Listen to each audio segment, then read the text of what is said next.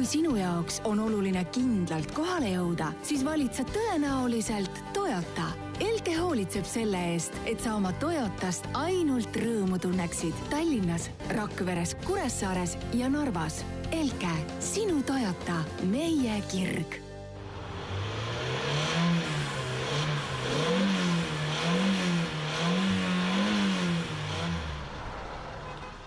tere ja kena kolmapäeva äh,, olete taas kuulamas, vaatamas või noh, kõik ei pruugi olla taas kuulamas, vaatamas, olete lihtsalt kuulamas, vaatamas äh, Delfi ja Accelerista koostöös valmivat äh, podcast'i Istmesoojendus, tegemist on siis auto podcast'iga.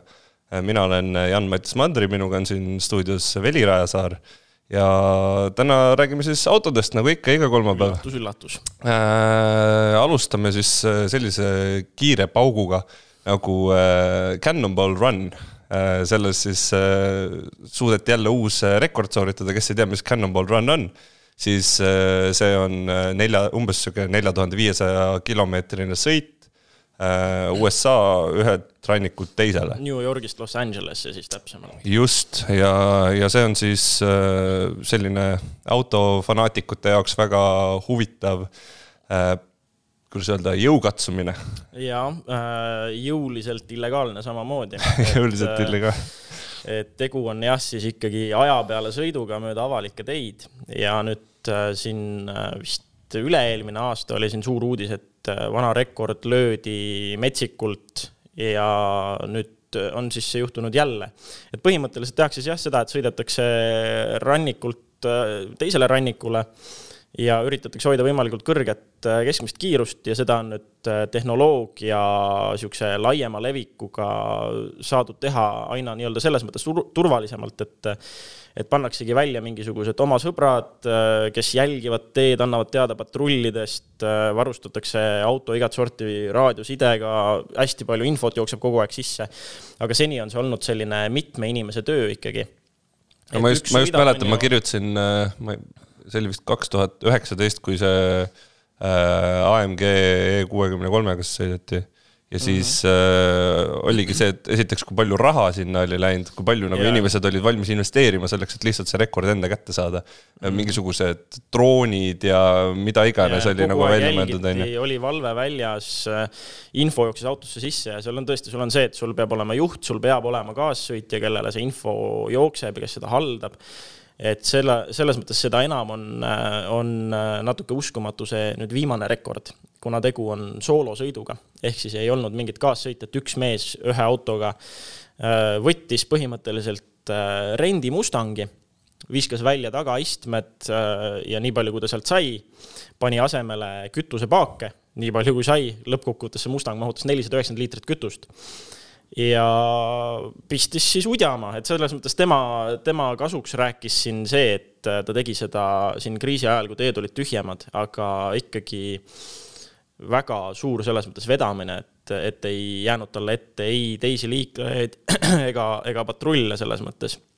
ja noh, tõesti võtta, võtta rendiauto ja teha selline, selline sõit on juba noh, ma, ma ei oskagi nagu selles mõttes seisukohta võtta, et kas see on rendifirmale hea või halb reklaam siis lõpuks, sest ta ju jättis siin rendifirmale tagasiside, et tegu on nüüd maailma kõige kiirema rendiautoga ja midagi säärast.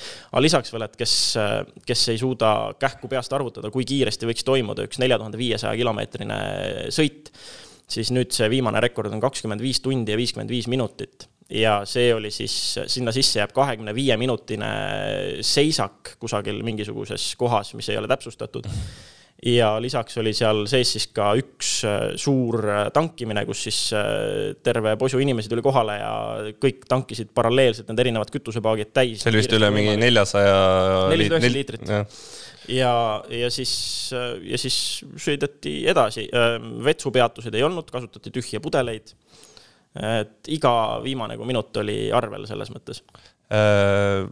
rääkides politseist, et see on nagu selline asi, kus noh, nagu sa ütlesid, siis ka tugevalt illegaalne mm -hmm. asi, siis äh, ükskord ajas teda ka politseinik taga äh,, aga see oli suhteliselt lühike tagaajamine äh, mm -hmm. ja lõppude lõpuks pääses ilma trahvita yeah.. et selles mõttes noh. ja no see keskmine kiirus selle, siin on äh, jõudnud ikkagi noh, ameeriklased meil räägivad miilidest tunnis, et äh, ütleme, arvutame siis Euroopa numbritesse ümber, et siis kusagil keskmine kiirus sada kaheksakümmend kilomeetrit äh, tunnis, natuke alla selle on olnud siin viimaste rekordite standard.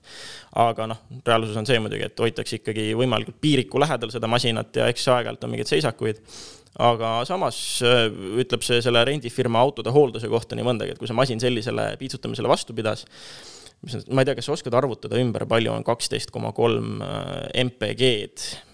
ei, ei, ei õnneks või kahjuks mitte, aga no, ma okay. lihtsalt, ma tahtsin, kui sa juba, kui sa juba rendiautodest rääkisid, siis see minu arust nagu väga hästi indikeerib ka seda rendiauto probleemi, et sa kunagi ei tea, mida keegi sellega teinud on. sa võtad selle auto, millega keegi on sõitnud keskmise kiirusega neli tuhat viissada kilomeetrit, sada kaheksakümmend kilomeetrit mm -hmm. tunnis et noh, see on niisugune. see, see huvi tekib mul küll jah, et see pidi selles mõttes väga korras uh, uus uh, selles mõttes mootor olema, et uh, kas ta noh, ei olnud mainitud, et oleks õli peale kallanud või midagi, et kas ta tõesti siis kogu selle distantsi lasigi niimoodi, et noh, olles harjunud siin masinatega, mis ikkagi ajapikku nagu natuke õli põletavad, et iga, ütleme, mõne tuhande kilomeetri kohta ikka veidike läheb, on ju, siin kuni mingi poole, poolest liitrist kuni liitrini, et siis ma mõtlengi, et kuidas see, kuidas see Mustang seal oma õlitusega vastu pidas.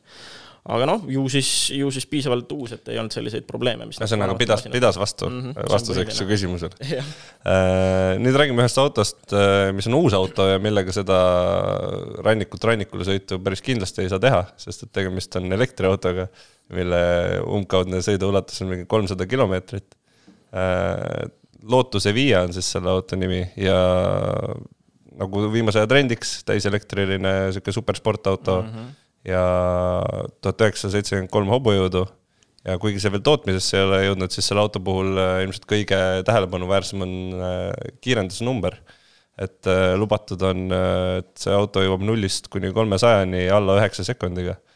Mis tähendab, et see on siis tugevas konkurentsis, et olla üks kõige kiiremaid autosid, seeriatootmisautosid, mis üldse on tehtud mm. -hmm. et, et kuigi seal need äh, ütleme nullist sajani ja nullist kahesajani näidud on sellised, et, äh, et nii mõnigi masin teeb äh, veel silmad ette, siis just see nullist kolmesajani on ja noh, alla kümne sekundi on raske natuke hoomata, sest et olles sõitnud siin, me mõlemad on nüüd Porsche Taycan turboga, mis teeb nullist kahesajani alla kümne sekundiga natukene, siis no keera sinna veel vint otsa, seda on suhteliselt raske ette kujutada tegelikult. et äh, kindlasti masin, mille väljatulekut Äh, ma huviga ootan, lootus on olnud äh, alati lapsest saati üks mu lemmikautotootjaid ja nüüd vaatame, mida nad siis teevad elektrilise sportautoga, sest et jällegi sama asi, mida Porsche puhul sai ka öeldud, et tore on see, et nad on suutnud sinna mingit sorti äh, iseloomu leiutada juba. midagi, midagi seal nagu on, on ju, et seal ei ole enam tehtud seda, et imiteeritud sisepõlemismootori hääli ja asju, vaid üritataksegi luua ainult elektriautole, elektrilisele sportautole sobilikku ja sellega seonduvat karakterit mm. -hmm ja väga tahaks äh, kasvõi video vahendusel näha, et mida Lotus siis suudab sellega teha, sest see, see tootmisnumber, see tootmisarv tegelikult oli jumala väike. Nad ar-, nad tegelikult arvasid, et nad vist äh, müüvad üle saja auto praegu mm,, okay. et äh, ega see nüüd nii väike ka ei ole selliste mm -hmm. supersportautode mõistes yeah.. igatahes kindlasti väga huvitav auto ja eks me saame tulevikus täpselt näha, mida siis need numbrid päriselus tähendavad. jaa, sest noh, siin ju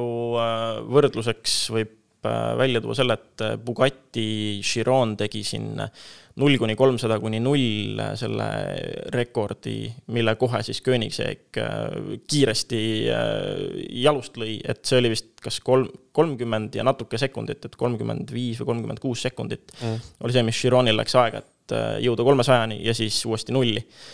et Koenigsegg tegi seda minu mäletamist mööda alla kolmekümne sekundi, et huvitav, mis see Lotus siis teeb, kui juba see sprint kolmesajani on seal, võtab palju vähem aega. saame näha. jah, jah, mina ootan huviga igatahes. Äh, nüüd üks liikluse ja teede teema, täpsemalt äh, siis äh, Acceleristast läbi käinud lugu, kus teedeinsener Ain Kendra toob välja, et tegelikult künnised ehk siis need äh, ma ei oskagi kuidagi paremini selgitada. seal oli jah, juba välja toodud, et lamav politseinik oleks natuke vale sõna. jah, lamav politseinik ei ole künnis, on ju, künnis on nagu ja. see tõstetud, see. ma tegelikult no ühesõnaga kõik vist, vist on siis nii, et ähm, kõik lamavad politseinikud on mingit pidi ka künnised, aga kõik künnised ei ole lamavad politseinikud või ma, ma, no, ma isegi, ühesõnaga see... terminoloogia, aga kõik saavad aru, millest me räägime, ma, ma eeldan. Äh, see on äh, tegelikult äh, jäi mulle silma, kuna ma ise just mõtlesin sama asja peale, mul on üks mm -hmm. konkreetne tänav, kus ma sõidan, kus on viiskümmend kilomeetrit tunnis kiirusepiirang mm. -hmm. aga kui ütleme, teooria kohaselt peaks olema tegelikult terve see tänav ka selle kiirusega läbitav, ilma et ma peaksin pidurdama siis äh, reaalselt see seda ei ole just nende künniste tõttu. et kui ma sõidaksin seal oma autoga viiskümmend kilomeetrit tunnis, siis ma võiks äh, päris kiiresti minna nagu äh, silla remonti ilmselt ja rääkimata sellest, et mingisugused keredetailid saaks kahjustada, on ju. kui me veel räägime inimestest, kellel on, ma ei tea, coilover'id või madaldusvedrud, siis nende inimeste jaoks on see veel suurem probleem. no see artikkel sai alguse siin äh, nõmmekate grupi mingisugusest diskussioonist, siis äh, mul ka just meenub, kuidas äh, ühes tänavas, seal siis ütleme, vanematekodu vastas tänavas üle, üle nende kodu elab üks äh, ühe väga-väga-väga-väga-väga madala BMW-ga härrasmees. et see on tõesti, ma, ma iga kord mõtlen, et kuidas ta sinna saab, sellepärast et äh, seal tänaval vist, kui ma mõtlen selle tänava peale, siis mul ei tule praegu ette ühtegi kohta, kust saaks läheneda niiviisi, et seal ei oleks mingit sorti künnist. et kuidas ta sinna saab ja seda autot äh, igal õhtul sinna pargib, ma ei kujuta ette tegelikult mm. -hmm ma omalt poolt tahaks ära mainida selle asja veel, et ma absoluutselt ei ole künniste vastu. Mm -hmm.. taaskord, kuna mul on siin äh, hiljutine kogemus, et on vaja väga konkreetselt asjad ära selgitada, siis ma ei ole künniste vastu, ma olen äh, täiesti selle poolt, et künnis on üks kõige efektiivsemaid kiiruse piiramise vahendeid üldse. nii nende rajamise hinna poolest kui ka selle poolest, et see ongi kogu aeg seal, on ju Äh, samamoodi sa ei pea mingisuguseid trahve väljastama nagu kaamerate puhul, sa ei pea, sul ei pea olema mingisugust lisapaberimäärimist seal ja nii edasi mm. -hmm. et ühesõnaga noh, ka Maanteeameti enda andmed ütlevad, et äh, sõidukiirust vähendavad künnised keskmiselt kakskümmend kaks protsenti, avariisid üksteist protsenti. nüüd äh, probleem ikkagi ongi see, et selleks, et see asi ka toimiks ja et see noh, Ülle vist kirjutas ka seal loos, et inimesed nagu jagunesid väga kahte leeri. et ühed olid nende poolt ja teised olid väga konkreetselt nende vastu. et äh, selleks, et sellist äh, nagu pooluseid ei moodustuks, siis tegelikult ongi see ju, et kui me teeme nad sellised, et kõik saavad äh, nendel normaalselt liigelda, siis ei ole ka seda probleemi, mille Kendra oma loos välja tõi. Mhm, noh, põhiline on see, et mis, mis mured meil kaasnevad. esiteks on see, et kui, kui künnis on säärane asi, mis liiklejat äh, närvi ajab, siis põhjustab see selle, et ta võtab hoo maha, on ju, noh, juba niikuinii äh, müra ja saaste kasvab selles kohas äh, selle künnise tõttu mm. ja tihti pärast seda künnist siis kiirendatakse uuesti hoog äh, võimalikult kiirelt üles et see on üks asi, teine asi on muidugi jah, suuremad masinad, ühistransport, alarmsõidukid, et kuidas see nende liiklemist mõjutab.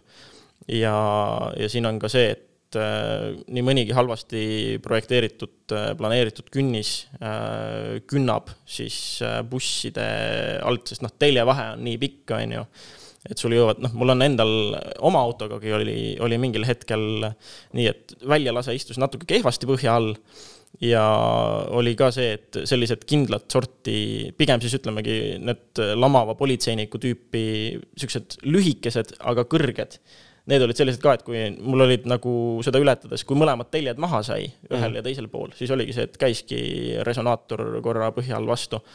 Et äh, jällegi kindlat sorti sihuke künnis, mis, mis mulle hakkas äh, närvidele käima ja mida ma lõpuks hakkasin vältima lihtsalt, et mitte lõhkuda. no õnneks on see, et tundub, et äh, pilt on paremaks läinud selles mõttes, et praegu ehitatakse ikkagi neid pikemaid selliseid suurt tervet ristmikku mm. hõlmavaid, mitte selliseid kitsaid ribasid, mis on hästi. see on mõistlikum jah, ja need lähenemisnurgad, kui nad jäävad jah, siuksed leebed, mitte teravad, siis, äh, siis ei tohiks seal kellelgi mingeid probleeme tekkida tõesti ja kui masin on ehitatud nii madalaks, et sellise künnise peal ka probleeme tekib, siis see tõesti on juba auto omaniku enda mure ja seal ei ole enam midagi kobiseda, sest et äh, sellised äh, tehasest tulnud nii-öelda seades masinad ei tohiks küll, seal ei tohiks mingisuguseid probleeme tekkida. kui tekib, siis see on koht, kus pöörduda selle tee haldaja poole et siis tõesti, kui sul on nagu, sa, sul on otse, ütleme, müügisalongist ostetud auto, mille puhul sa ei ole mitte midagi muutnud, sa ei ole sinna toppinud alla, ma ei tea, vale profiiliga rehve või teinud teda madalamaks.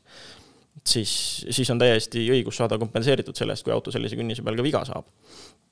aga muus osas jah, lähenemisnurgad äh, natukene leebemaks ja kui künnis tõesti on tervet äh, ristmikku kattev, siis ta täidab oma funktsiooni ja teoorias ei tohiks ka lõhkuda väga midagi okei okay,, aga lähme nüüd äh, selle nädala proovisõiduauto juurde. millest räägib äh, Ford täiesti. ma just tahtsin küsida, et kuidas sinu kogemus oli, et. Äh, ja no minu kogemus oli selline, et ma kuulan, kuidas kolleeg räägib, et kuna ma olin ise pikalt paraku ühe projekti võtetel ära, siis mina sellega sõita ei jõudnudki, küll aga ma võin kehastuda selleks, kes küsib sult lolle küsimusi. mul on sulle kõigepealt küsimus, kas sa oled sõitnud uue Ford Focusega?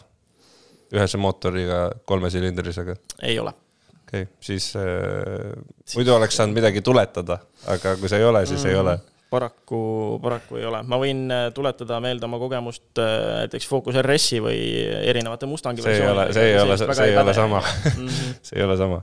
ühesõnaga, Ford on äh, hakanud viimasel ajal nagu kõik ehitama crossover eid ja selliseid väiksemaid maastureid ja, ja Puma on üks nendest siis nüüd ja nagu ma viitasin, siis kogemus on väga sarnane tegelikult Focusele mm. -hmm. Äh, isegi mootor on sama, üks-null, sada kakskümmend viis hobujõudu, kolm silindrit äh,.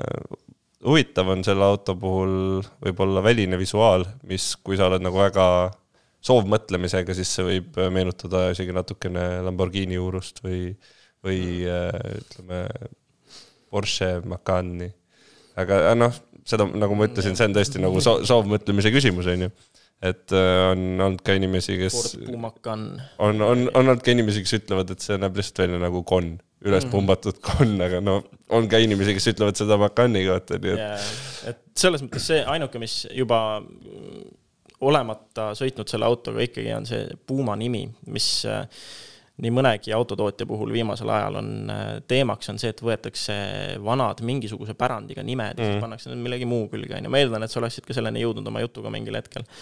aga jah, minu esimene nii-öelda loll küsimus on siis see, et teades, et Puma oli kunagi küll esiveoline, aga sportkupee, siis äh, mis, kas, kas see auto on nüüd seda nime väärt? kannab ta pärandit edasi? ütleme niimoodi, selle autoga on äh, see, millest sa oled rääkinud palju et mm -hmm. need esiveolised autod tegelikult ka need, mis on täiesti mõistliku hinnaga, väga tavalised mhm. igapäevasõiduautod äh,. siis nad on, nad on head, nad ei ole nagu, nad ei ole kindlasti su esimene valik, kui sa endale mm -hmm. rajaautot ostad yeah aga on ju täpsed ja. sa ei tunne seda probleemi, nagu sa tunned vanemate selliste odavamate esiveoliste autodega, et mm. -hmm. Okay. et noh, Fordi puhul ma ütlesin seda ka tegelikult äh, Focuse puhul ja nad on hästi sarnased oma noh, kuigi, kuigi, kuigi Puma on äh, natuke tõstetud fookus põhimõtteliselt mm -hmm. oma olemuselt, siis ega sõidukogemus on hästi sarnane okei okay., kas mõttes... torkstiiri oli või, see tiris rooli käest ka? ei okay., seal on sada kakskümmend viis hobujõudu ja sealt ei tule mingit torkstiiri. no need äh, vanemad Fordi hot hatch'id ikkagi, isegi kui neil on sada ja natukene jõudu, siis ikkagi tirisid rooli käest küll. nojah, seal igatahes seda ei ole. Äh, ta peaks olema suhteliselt selline mõistlik auto. Äh, mis mulle meeldis, oligi tegelikult sõidukogemus, aga seda ma ütlesin Focuse puhul täpselt samamoodi, eriti arvestades seda, et tegelikult on, ongi üheliitrine mootor kolm silindrit, siis äh, kui ma võrdlen näiteks sarnaste autodega, mis sellega konkureerima peaks, mingisugused väiksemad Škodad näiteks mm. -hmm kuigi Škoda on muidugi viimasel ajal meil kuidagi väga palju peksu saanud meie saates, aga see ei ole point, vaid äh, oluline on see, et äh, sellel väiksel mootoril on kuidagi mingisugune iseloom mm,. Škoda okay. puhul ma seda ei tunne absoluutselt see on nagu täiesti ilmetu mootor, seal ei ole mingit häält, seal ei ole mingisuguseid väikseid kiikse, et Fordi puhul iseloom on nagu olemas. seda ma võin öelda selle väikse mootori kohta okay.. et ja, ja noh, üldiselt ka sõit on, nagu sa ütlesid, siis hea, on ju, mhm. nagu, nagu ikka nende esiveolistega yeah., heade, heade uute esiveolistega ähm,. mis mulle ei meeldinud, olid äh, odavad materjalid sees või niisugune mm -hmm. üldine kuidagi äh, ajast äh, maha jäämine kuidagi pisut, kogu see süsteemid ja näiteks hästi palju nuppe oli hästi mm., hästi-hästi palju samas nuppe. jah, siin on nüüd see on ju, et me oleme siin kritiseerinud on ju uut Golf kaheksat, sellepärast et ta on nii digi ja osalt ma ei ka..., ma ei mõtlegi niivõrd seda, seal oli ka mhm. puuteekraan täiesti olemas mm, -hmm. aga selle puuteekraani all oli ka nupud. kas on nagu see balanss, et kui, kui Golf kaheksa on liiga digi mm. ja, ja siis, siis kas see Puma on oma nuppude rohkuses jällegi nagu liiga analoog? no õnneks mul on nagu pilt, mis seda illustreerib mm, -hmm. kuidas on äh, terve see rool on nagu nuppe täis, on mm -hmm igaks asjaks nupp, sul on nupp, kus saab heli üles keerata, nupp, kus saab heli alla keerata, nupp, kus saab heli mute ida ja nii edasi. samas see..., kui sa need endale sisse harjutad, siis kas võib olla, et see on ikkagi. ma ei tea, mind, mind see nagu häiris lihtsalt, et mm. neid nuppe oli samamoodi kogu selle konditsioneerisüsteemi peal nuppe oli nagu väga-väga mm. palju okay.. et äh, see ei olnud võiks nagu. olla minimalistlikum. okay ja kütusekulu oli ka võib-olla natuke problemaatiline mm., aga ma ütleks, et sama mul on olnud ka teiste turbotatud mikromootorite puhul, et äh, nad on linnas säästlikud, aga kui sa lähed nendega maanteele, siis nad hakkavad ja, päris kõvasti neelama. väga need äh, ülekanded väga ei sobi vist nende puhul jah, maantees, kuidas, mis kastiga see Puma sul oli? käsikastiga mm,. okei okay., ja kuuekäiguline? jep okei okay,, okei okay.. huvitav jah, mis jälgisid sa, mis maanteekiirusel, mis pöörded sul kuuenda käiguga olid? tead mida, see on nagu täiesti teine teema, sellepärast et seal on see automaatne süsteem on ju, mis mhm. soovitab sul käiku mm -hmm. ja see käigu soovitamissüsteem soovitab kogu aeg vale käiku, see oli veel üks asi, mis mulle nagu. huvitav, kas ta peab siis õppima natukene või? ma ei tea, igatahes ta soovitas mulle kogu aeg, et okay. näiteks panna noh, kui sõidad näiteks viiekümne viiega, siis ta mhm. soovitas panna juba viiendat käiku, aga tegelikult ei jõudnud sellega vedada. tegelikult mm, okay. kuni mingisugune. see on, ma arvan, et see on seotud sellega, et ta eeldab, et ähm, ja soovitab sulle käiku, millega sa ei plaani enam kiirendada, vaid millega sa plaanid kiirust hoida.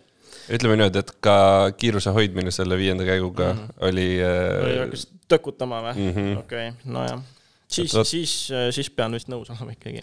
ühesõnaga äh,, aga tegelikult jäi kõlama ikka pigem see nagu positiivne, just mm. seesama, et äh, üllatavalt okei okay, äh, sõidukogemus just nagu juhi poolelt mm, -hmm. arvestades seda, et tegelikult meil on tegemist mingisuguse üheliitrise kolmesilindrilisega yeah. autoga, on ju. et äh, ma ütlen hinna ka ära, praegu laoautod on alates kakskümmend kaks tuhat, tellimisel alates kahekümne kolmest kuni kolmekümne tuhandeni põhimõtteliselt läheb välja sealt ST-Line'id ja muud sellised aga kuidas see praktilisus oli, oli, kuidas ta, kuidas ta mahutab? ütleme niimoodi äh,, tahaistmele minu pikkust inimest väga ei mahuta. proovisid kohe nii-öelda enda taha istuda, jah mm,? Okay. Äh, kui, seal on veel mingisugused väiksed kiiksud äh,, roolisamba kuju on näiteks mm. selline, et sealt tuleb ühe külje pealt välja paremalt poolt mingisugune väike nukk, kus on äh, see süütepesa ja mm -hmm. mingil kummalisel põhjusel Põlve see nukk tuleb täpselt niimoodi, et vastu põlve okay.. Äh, ühesõnaga, seal on mingid omad kiiksud. Äh, ilmselt iga inimene peab seda nagu konkreetselt enda jaoks proovima, kuidas see -hmm. on, aga noh, eks see on nagu iga autoga niimoodi.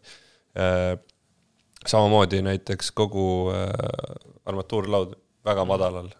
sul okay. on küll nagu hea vaade mm, -hmm. aga see just pikemate inimeste jaoks võib olla ka probleem.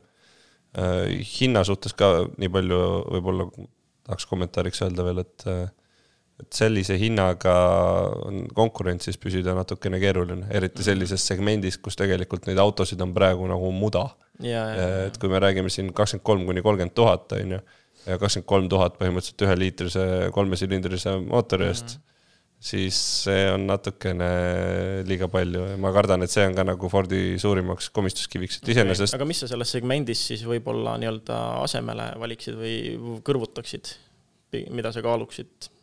Ma arvan, kui ma hinna poolest vaataks, siis ma vaatakski võib-olla Škodat näiteks. Mm.. seal ei ole küll seda iseloomu, aga see ei ole ka selle inimese jaoks oluline, kes ja seda autot ostab. ma muidugi olen alainformeeritud, aga mis on meil, mis meil Škoda hinnad siis on, palju ta odavam on no,? on, on nagu see hinnavahe seda iseloomu see ei ole, see ei ole mingit nii suurt äh, hinnaerinevust mm., see on mm. mingi, me räägime mingist paarist tuhandest eurost ah,. Okay. aga siis küsib... isegi võib seda, see iseloom tegelikult isegi kõlab siis, et võiks justkui olla väärt. sinu jaoks, aga mm -hmm. mu point ongi see, et see inimene ilmselt, kes sellist autot ostab, see ei ole see inimene, kes seda iseloomu otsib, vaid ta pigem ma kardan, optimeeribki selle paari tuhande euroga mm,. et okay., et see on nagu see minu arust see oht selle Puma juures, kuigi ta muidu on selles segmendis pigem hea auto kui mm halb auto. okei okay. um,, infolustid, asjad, proovisid, ühendused, kui kiire, kui intuitiivne? sa tead küll, kuidas infolustiga on, infolustiga on ju niimoodi, et see on kõikide nende kvaliteediuuringute kõige kohaselt kõige probleemsem äh, asi kogu autos. see on ka alati, mis mul kuidagi ette jääb jälle, miks ma selle kohta küsin, et kas on keegi juba teinud väga hästi või? no igatahes ütleme niimoodi, et see ei ole see, kus väga hästi on mhm. tehtud mm, -hmm. sest et mul oli okay. paaripäevane prooviperiood ja selle prooviperioodiga infolustisüsteem suutis näiteks ära kaotada Androidi auto, lihtsalt ära kaotada okay.. panen juhtme taha ja seda ei tule enam mingil hetkel, lihtsalt suvaliselt et okay. see on. no see on jällegi siis mingisugused nii-öelda titevead, et äh, mis kõrvaldatakse võib-olla esimeste paari suurema update'iga. võib-olla et..., aga võib-olla mitte selles mõttes, et kui, kui need noh, neid samu tarbijauuringuid vaadata, siis mm -hmm. ongi kõige suurem probleem, mis tegelikult näitab ka seda, et neid ei pruugita üldse kõrvaldada mitte kunagi, et mm -hmm. aga seda on konkreetse auto puhul väga keeruline öelda. okei okay,, okei okay. aga üldmulje, ma saan aru, ikkagi pigem positiivne ja põhiline on see, et iseloom ikkagi on. jah mm,. okei okay,, siis ma pean võtma kiiremas korras ta ka, äh, võtma ja proovima ta ikkagi ära. no mõistlik oleks. et ma reest maha ei jääks. jah, et sul oleks järgmine kord ikkagi, kui Ford tuleb, et siis sul oleks vähemalt millegagi võrrelda, kui sul jälle sõitmata jääb. jah vot, aga nüüd äh, lõpetuseks räägime veel sellisel teemal nagu äh, sõidukite taustakontroll ja see lugu võrsub siis ühest Ülle loost jälle kus Ülle nägi üht edevat Teslat, otsustas numbrimärgi sisse lüüa sinna Maanteeameti sõiduki taustakontrolli rakendusse ja sai teada, et see registri järgi ei olegi Tesla, vaid on hoopis äh, üks vana Volvo, mille registrikanne on peatatud. et äh, noh no, näed siis on ju, et jah, see on, see viib selles mõttes selle küsimuseni, et et, et kui tihti sa näiteks seda taustakontrolli kasutad, tihti sa numbreid mingitel põnevatel autodel sisse lööd? iga päev, ma arvan mm.. sellepärast, kui ma näen mingit, eriti kui on mingisugune lihtsasti meeldejääv number, siis yeah. kui ma, kui ma olen kõrvalistuja, siis suhteliselt, suht konstantselt yeah.. kui ei ole, siis ma üritan meelde jätta või palun kellelgi üles kirjutada mm, -hmm. sest et ma tahan kontrollida, ma tahan lihtsalt näha. jaa, no täpselt, mul näiteks eile samamoodi, ma vist üle mingi kahe või kolme aasta, kuna ma sedasama projekt, millest ma rääkisin, selle oli siis lõpupidu ja otsustasin, et okei okay,, ma nüüd äh, lähen siis, lähen trolliga hoopis kohale mm ja üks ilus oranž Lotus Eliise sõitis mööda ja kohe oli võimalus ka, et ei pidanudki meelde jätma numbrit, et oodata, kuni ma seisma saan jääda ja kontrollida. lõin kohe sisse ja vaatasingi, ohoo, kaks tuhat kaheksa aasta, sama mootor, äh, vabalt hingav kaks ZZ, mis mu MR2-l on ju. Äh, kõik Eestist uuena ostetud, üks omanik, madal läbisõit, oh, väga nagu lihtsalt saadki vaadata ja. ja see räägib nagu siukse auto selle lühiloo on ju, et saadki teada, et kus see toodud mm -hmm. on, kui on toodud, võib-olla ei ole ja nii edasi, on ju. et äh, see viibki selle, selleni, et mis see nipinurga tänane mõte siis on, on tegelikult see, et ähm, kuidas teha näiteks enda ostetavale autole taustakontrolli, mis võiks need sammud olla.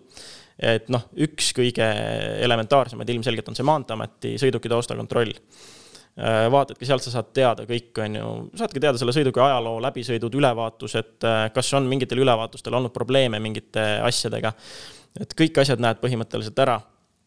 Teine asi on see, et Äh, liikluskindlustuse fondi taustakontroll samamoodi numbrimärgi alusel, saad teada, kas on mingisuguseid registreeritud matse nii-öelda, kas on mingisuguseid, enam-vähem annab ta sulle ka selle ballpark'i ette, et kui on mingisugune õnnetus olnud, et siis mis summast seda masinat parandatud on mm. -hmm üks asi, mis näiteks mul enda kogemuse tõttu silma jäi, mis, äh, mida, mille võib liigitada skeemitamise alla vist, on see, mille osas tasub valvel olla ja mida tasub alati teha, on ka see, et lüüa autonumber lihtsalt Google'isse sisse ja vaadata pildiotsinguid. sest et minul näiteks, mul eelmisel suvel äh, läks paraku eelmine Subaru nii-öelda mahakandmisele, et teda ei olnud enam äh, rahaliselt mõistlik taastada kindlustus tegi väljamakse, äh, müüdi masin oksjonil maha, noh siis vrakk müüdi oksjonil maha Leetu. ja nüüd vaatad Leedus seda müügikuulutust ja on kirjas, et ei ole maha kantud ei, ei ole midagi viga temaga. et lihtsalt natuke lömmis ja vaatad ja tegelikult on ära jokitatud niimoodi, et et ta ei olegi maha kantud Eesti registrist, vaid ta on, registrikanne on peatatud, peatatud mm. riigist väljaviimise tõttu ja nad võivadki täiesti äh, jokitada ja öelda, et see ei ole, see ei ole maha kantud masin mm.. mind huvitabki see, et kui nendelt otse küsida näiteks, et aga kas ta on majanduslikus mõttes hävinud, mis nad siis vastaksid. ja seal oli veel muid asju, aga noh, see on jällegi asjad, mida ma tean ainult seetõttu, et, et see oli minu auto ja ma aeg-ajalt ikka nagu jälgin, et mis temaga selles mõttes toimub ja kas keegi on, keegi on võtnud teda ära ostnud. ärge ostke, see on kahjumiga ost. et juba oksjonilt ta läks oksjonilt läks ta juba liiga kõrge hinna eest ja, ja nüüd teda müüakse veel kallimalt, seal ei ole midagi, mis nii palju väärt oleks enam. aga see oli kõrvalepõige. Äh, lõppkokkuvõttes äh, viimane, võib-olla kõige suurem soovitus minu poolt põhineb nüüd juhtumil elust enesest, kus me läksime sõbraga sõbral tekkis äh, off-road'i huvi, et võttagi mingisugune masin, millega saab käia ka natuke kaugemal piknikutamas ja võttis ette ja leidis Tartust ühe Opel Frontera mm. -hmm. rääkis hinda ka alla, sest noh, tuleb Tallinnast vaatama ja nii ja ja siis äh, üks targemaid samme, mis sai tehtud, oligi see, et ta leppis kohe kokku võimalikult lähedal sellele kohale, kus me vaatamas, vaatamas käisime. leppis võimalikult lähedal kokku siis tehnilise kontrolli kusagil ülevaatuspunktis ja noh, lõppkokkuvõttes oligi lugu säärane, et äh, noh, kõik asjad juba olid natukene nagu imelikud, et see naisterahvas, kes teda müüs, rääkis ikka, kui heas korras see asi on ja kuidas ikka selle raha eest saab ikka väga hea auto ja kõik. ja siis, kui oli aeg proovisõiduks ja sinna tehnilisse kontrolli minekuks, siis ütles, aa, ma leppisin tegelikult kokku siin enda omaga, kus, kus ma olen alati käinud, et äkki lähme sinna noh, ei, et ma leppisime kokku, me lähme, me lähme ikka sinna, et noh, saad isegi aru ju, kuidas see mõjub, on ju, et kui on nagu sinu poolt kokku lepitud ja nii. ja noh, siis ta oli nagu nõus, mitte kõige meelsamalt. Äh, teine asi, mis oli, oli see, et äh, kohe, kui siis oli aeg selle autoga sõita, siis ta oli, aa, te, te lähete siis, on ju, mõlemad sellega, et ma tulen ikka oma autoga teile järele. Ja siis oli jälle nagu okei okay,, no lähme siis ja siis sõidame sinna kontrolli, mida oli ainult mingisugune, mingi pooleteist kildi kaugusel. ja tunned, et tagasild ujub imelikult. kohe, kui jõu taha paned, natuke teeb jõnksu ühele poole, võtad jala gaasilt, jõud tagant ära kaob, väänab teisele poole, aga noh, üldse tundus nagu niisugune väga pehme ja kõik ja noh, siis seal tehnilises kontrollis ilmneski, et ühelt poolt see äh, silla raami kinnitus oli, puks oli täiesti läbi ja see oli lahti tulemas sealt. Ja teiselt poolt oli silla kinnitus juba lahti raami küljest mm.. ehk siis äh, tegelikkuses on tegu autoga, mis äh, peaks olema maha kantud sellepärast, et raami ei tohi keevitada. seda, sellist, sellist vigastust ei tohi parandada enam. ja tuvastasime selle, aga jällegi, mis, mis see nagu moraal on, on see, et kui, äh, kui sa näiteks lähed elus esimest korda mingit maasturit või off-road'i pilli ostma sul ei pruugi olla nagu eelnevat kogemust sellega. võib-olla see, et see sild sul all midagi teeb, võib-olla selles mõttes ongi pehme, see ongi nagu tundub normaalne, äkki see ongi mingi off-road'i pilli eripära, et ta peabki nagu pehme ja ujuv olema, on ju, et noh, maastur ja värgid ja no äkki on normaalne. et, et see moraal ongi see, et leppige võimalikult lähedale see tehniline kontroll, see ostueelne kontroll kokku, sest see on mingi kakskümmend kuni nelikümmend euri, midagi sellist vist. Ja maru palju saab tegelikult selle auto kohta teada.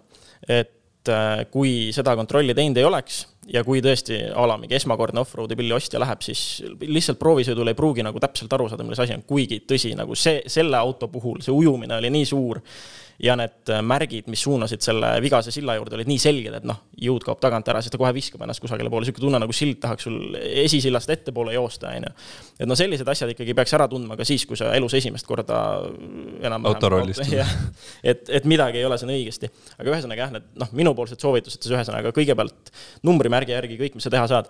Äh, maanteeameti sõiduki taustakontroll, liikluskindlustuse fondi taustakontroll Äh, pildiotsingusse sisse lüüa, sest et üldjuhul tulevad siis välja mingid vrakkide pildid näiteks. et äh, hästi palju on siin ka üks huvitavate autode grupp Facebookis, kus ma olen, on jälle, kui pannakse mingi äge asi müüki, siis tihti on see, et äh, pannakse ka kohe alla mingid pildid, mis tulevad lihtsalt välja sul Google'is mm. pildiotsingust, et ongi mingisugune üles taotud pill ja sa saad selle lihtsalt pildiotsinguga teada mm.. ja lõpuks siis see, et kui sa päriselt vaatama lähed, siis tee proovisõit läbi tehnilise kontrolli nii-öelda. ma ei tea, kas sul on siin mul on üks soovitus, see tuleb sellest eripärast, et kuidas ma tavaliselt auto vastuga kokku olen puutunud ja see on siis välismaalt. ehk siis mm -hmm. äh, vinnidega tuleb ka kontrollid kindlasti läbi teha, see ei ole ka mingisugune suur kulu -hmm.. kaksteist eurot on vist see vinni kontroll. jah, kui sa eriti jah, muidugi kui sa välismaalt ostad, siis see on õigustatud väljaminek. mina jah, pigem isegi selle vinni asja kui on võimalus juba, kui see auto on sulle lähedal ja sa teed proovi. ei, kui sa tead, et auto on ainult Eestist pärit, siis ei ole mõtet seda teha väga, aga aga kui me räägimegi välismaalt toodud autodest, autod, mis on välismaalt toodud mm -hmm. ka siia, et seda saab samamoodi äh, numbrimärgi järgi vaadata, on ju. et kui sa näed, et auto on varasemalt toodud mingist muust riigist, siis kindlasti tasub ka see VIN-i kontroll ära teha, et ja, siis saab täpsemalt teada. ja loomulikult kontrollida seda, kas nagu kõik sõiduki VIN-id on omavahel vastavuses. et see on ka nagu niisugune tavaline, tavaline kontroll kasutatud auto ostul vot, äh, aga sellised soovitused siis ja tõmbame siis tänase saate kokku. aitäh teile kõigile kuulamast-vaatamast ja juba järgmisel nädalal uuesti. jah